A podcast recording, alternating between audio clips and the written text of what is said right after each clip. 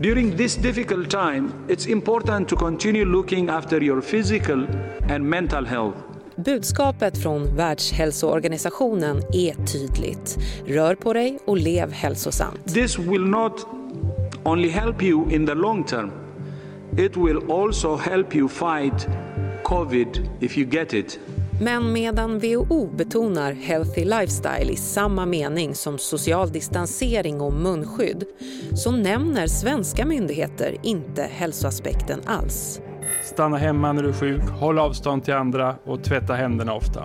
På en kvart får du veta varför de bevisade fördelarna med träning och bra mat plockats bort ur den svenska coronastrategin.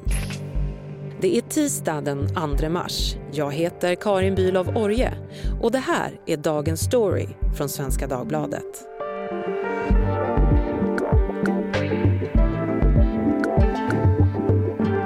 Henrik Ennart, vetenskapsjournalist här på Svenskan. Du har ju skrivit flera böcker eh, om eh, fördelarna med att äta bra och inte minst nyckeln till ett långt liv. Det känns som att du sitter inne på mycket kunskap som, som man vill åt. Jo, men jag har väl faktiskt samlat på mig ett och annat. Jag har ju följt forskningen i ganska många år nu och, och träffat väldigt många forskare. Och så här. så att jag, jag, det är väl inte så att någon sitter in med alla lösningar men, men eh, jag kanske vet lite mer än folk i gemene man. Är du en sån där som folk haffar på, på, på middagar ja, och vill tyvärr, sitta bredvid? Tyvärr. Ja, man Ge mig frågar dina att, bästa är, det här, är det här verkligen nyttigt? Kan jag äta det här? Liksom det, det, det, har, det har förstört många av mina luncher.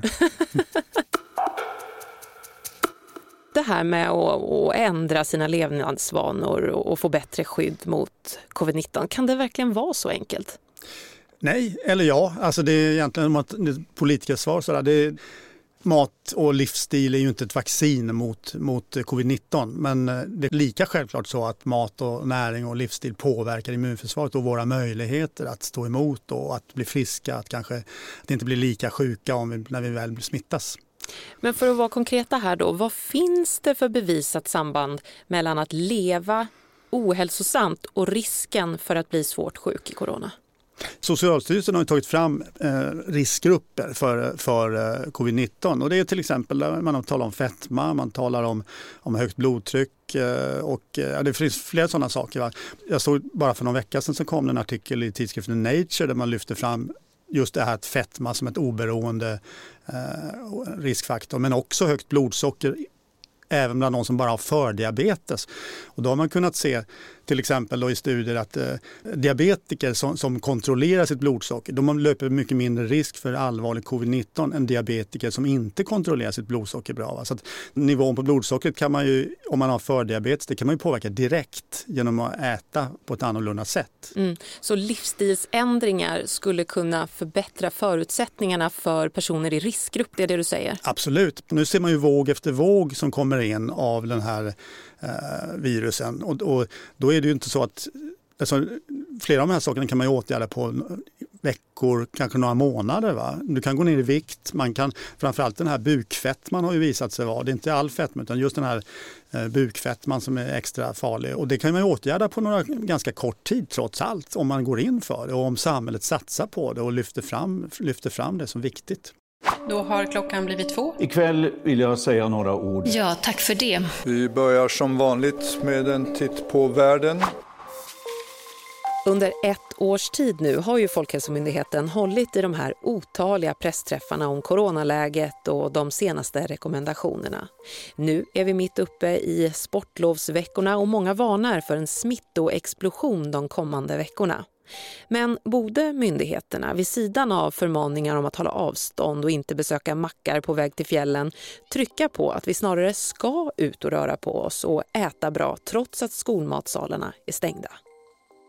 Verkligen. Det är, varenda gång så borde det ha stått med någon från Livsmedelsverket och berättat om vikten av att äta bra och, och någon som stått och talat om hur viktigt det är att röra på sig och sova bra och alla sådana saker. Så jag tycker att det är jättekonstigt. Och om, man, om man jämför med andra länder och med WHO till exempel så är de väldigt tydliga med det här att man att de säger i stort sett samma mening som man säger att man ska hålla social distansering och man pratar om smitt, smittskyddsåtgärderna så, så nämner man också behovet av en, en eh, bra livsstil va? För, så att, eh, för att motverka och ge bästa förutsättningar för att klara mm. sjukdom.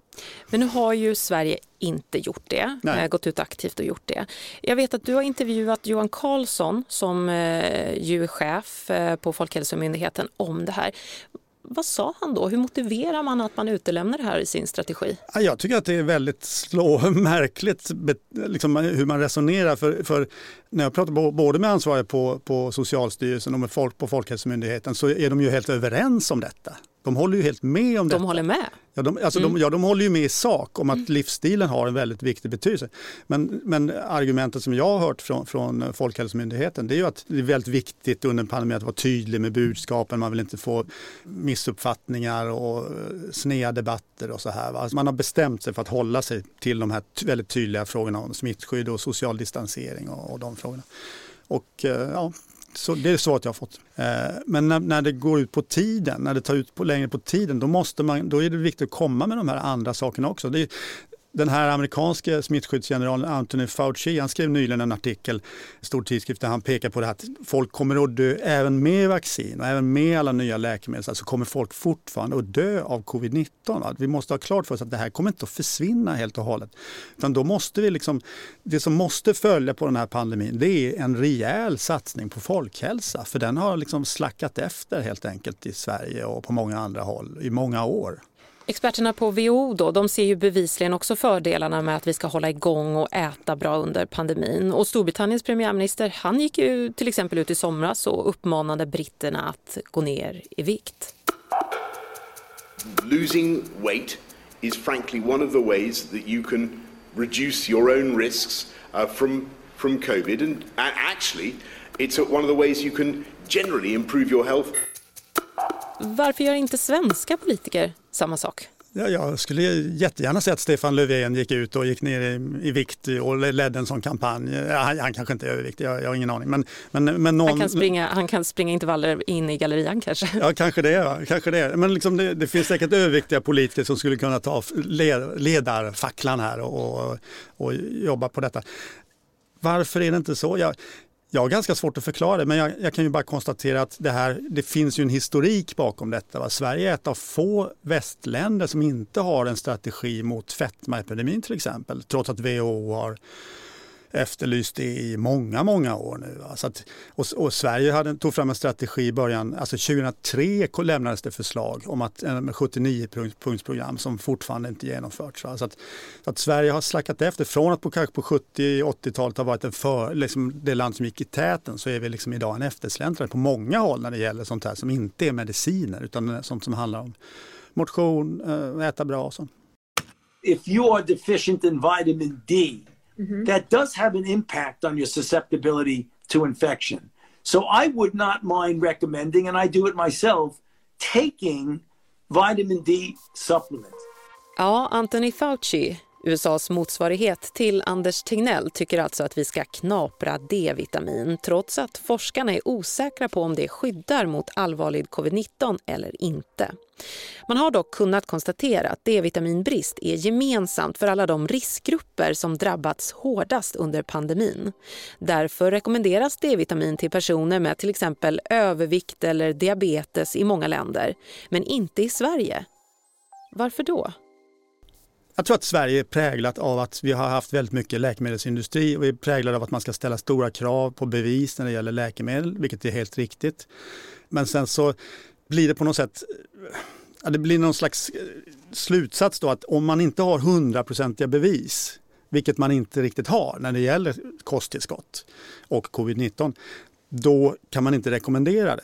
Men man måste ju samtidigt se vad finns, vad finns, finns det någon risk med detta? Och riskerna med att ta måttliga doser av vitaminer är ju mycket små. Vi har ju till exempel i, redan i Sverige idag berikning av, av massa mejeriprodukter med, med eh, och margariner med D-vitamin. Och det är ju för att man liksom benhälsan och att man vet också att speciellt äldre som inte, kanske inte kommer ut, speciellt eh, mörkhyade som lever då i liksom sol, solfattiga Sverige då, är riskgrupper. Va? Och det, det är också grupper kanske som har varit extra utsatta under covid-19. Så varför chansa? Jag förstår inte det riktigt. Nej.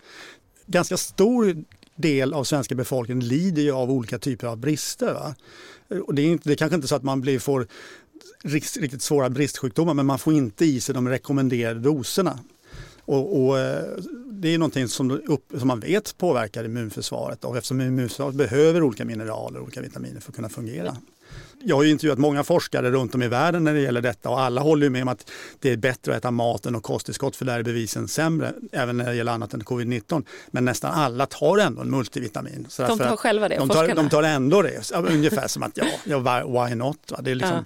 som, som, en slags säkerhets... Hängslen och livrem. Ja, hängslen och livrem, precis så. Ta en tablett och sen går hela livet lätt.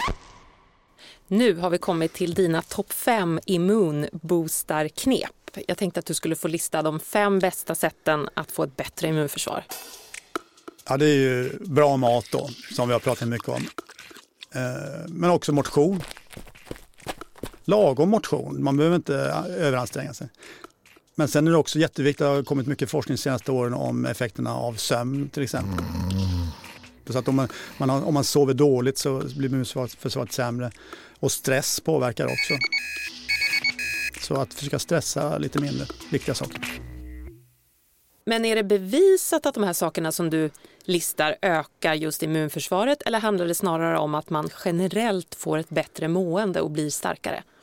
Ja, det är bevisat. Alltså det, det, kopplingen mellan liksom, näringsämnen och immunförsvar den är ju välbelagd sedan många år. Då, att man vet att vissa näringsämnen behövs helt enkelt för att immunförsvaret ska fungera, vissa vitaminer, vissa mineraler.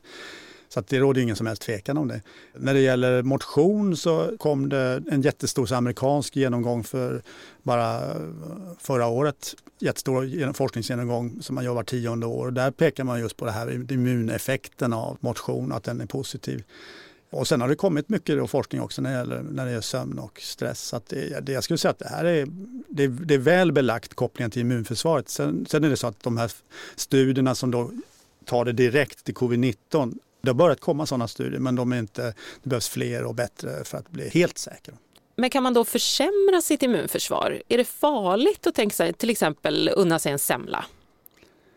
Ja, det kan nog vara. Alltså, tyvärr att, att eh, om man höjer blodsockret så tycks ju det då öka risken för covid-19. Men, men jag säger så här att jag, jag unnar mig ändå en semla någon gång ibland för att eh, jag tycker att det blir så himla tråkigt annars helt enkelt. Jag, jag tror att jag, jag, man, man, man, kan inte bara leva för att leva länge. Liksom. Man måste fylla livet med lite trevligt innehåll också och ha lite kul. Och det är en sak som jag faktiskt lärt mig under alla, alla dessa år, en av de få saker jag kan säga med bestämdhet, det är ju det, är ju det här att det är viktigare att, att undvika det absolut värsta än att vara absolut bäst i klassen på något, liksom äta bäst eller motionera mest. Eller så att, alltså, en kedja är aldrig starkare än den svagaste länken och om man tar en semla någon gång ibland, det spelar ingen roll.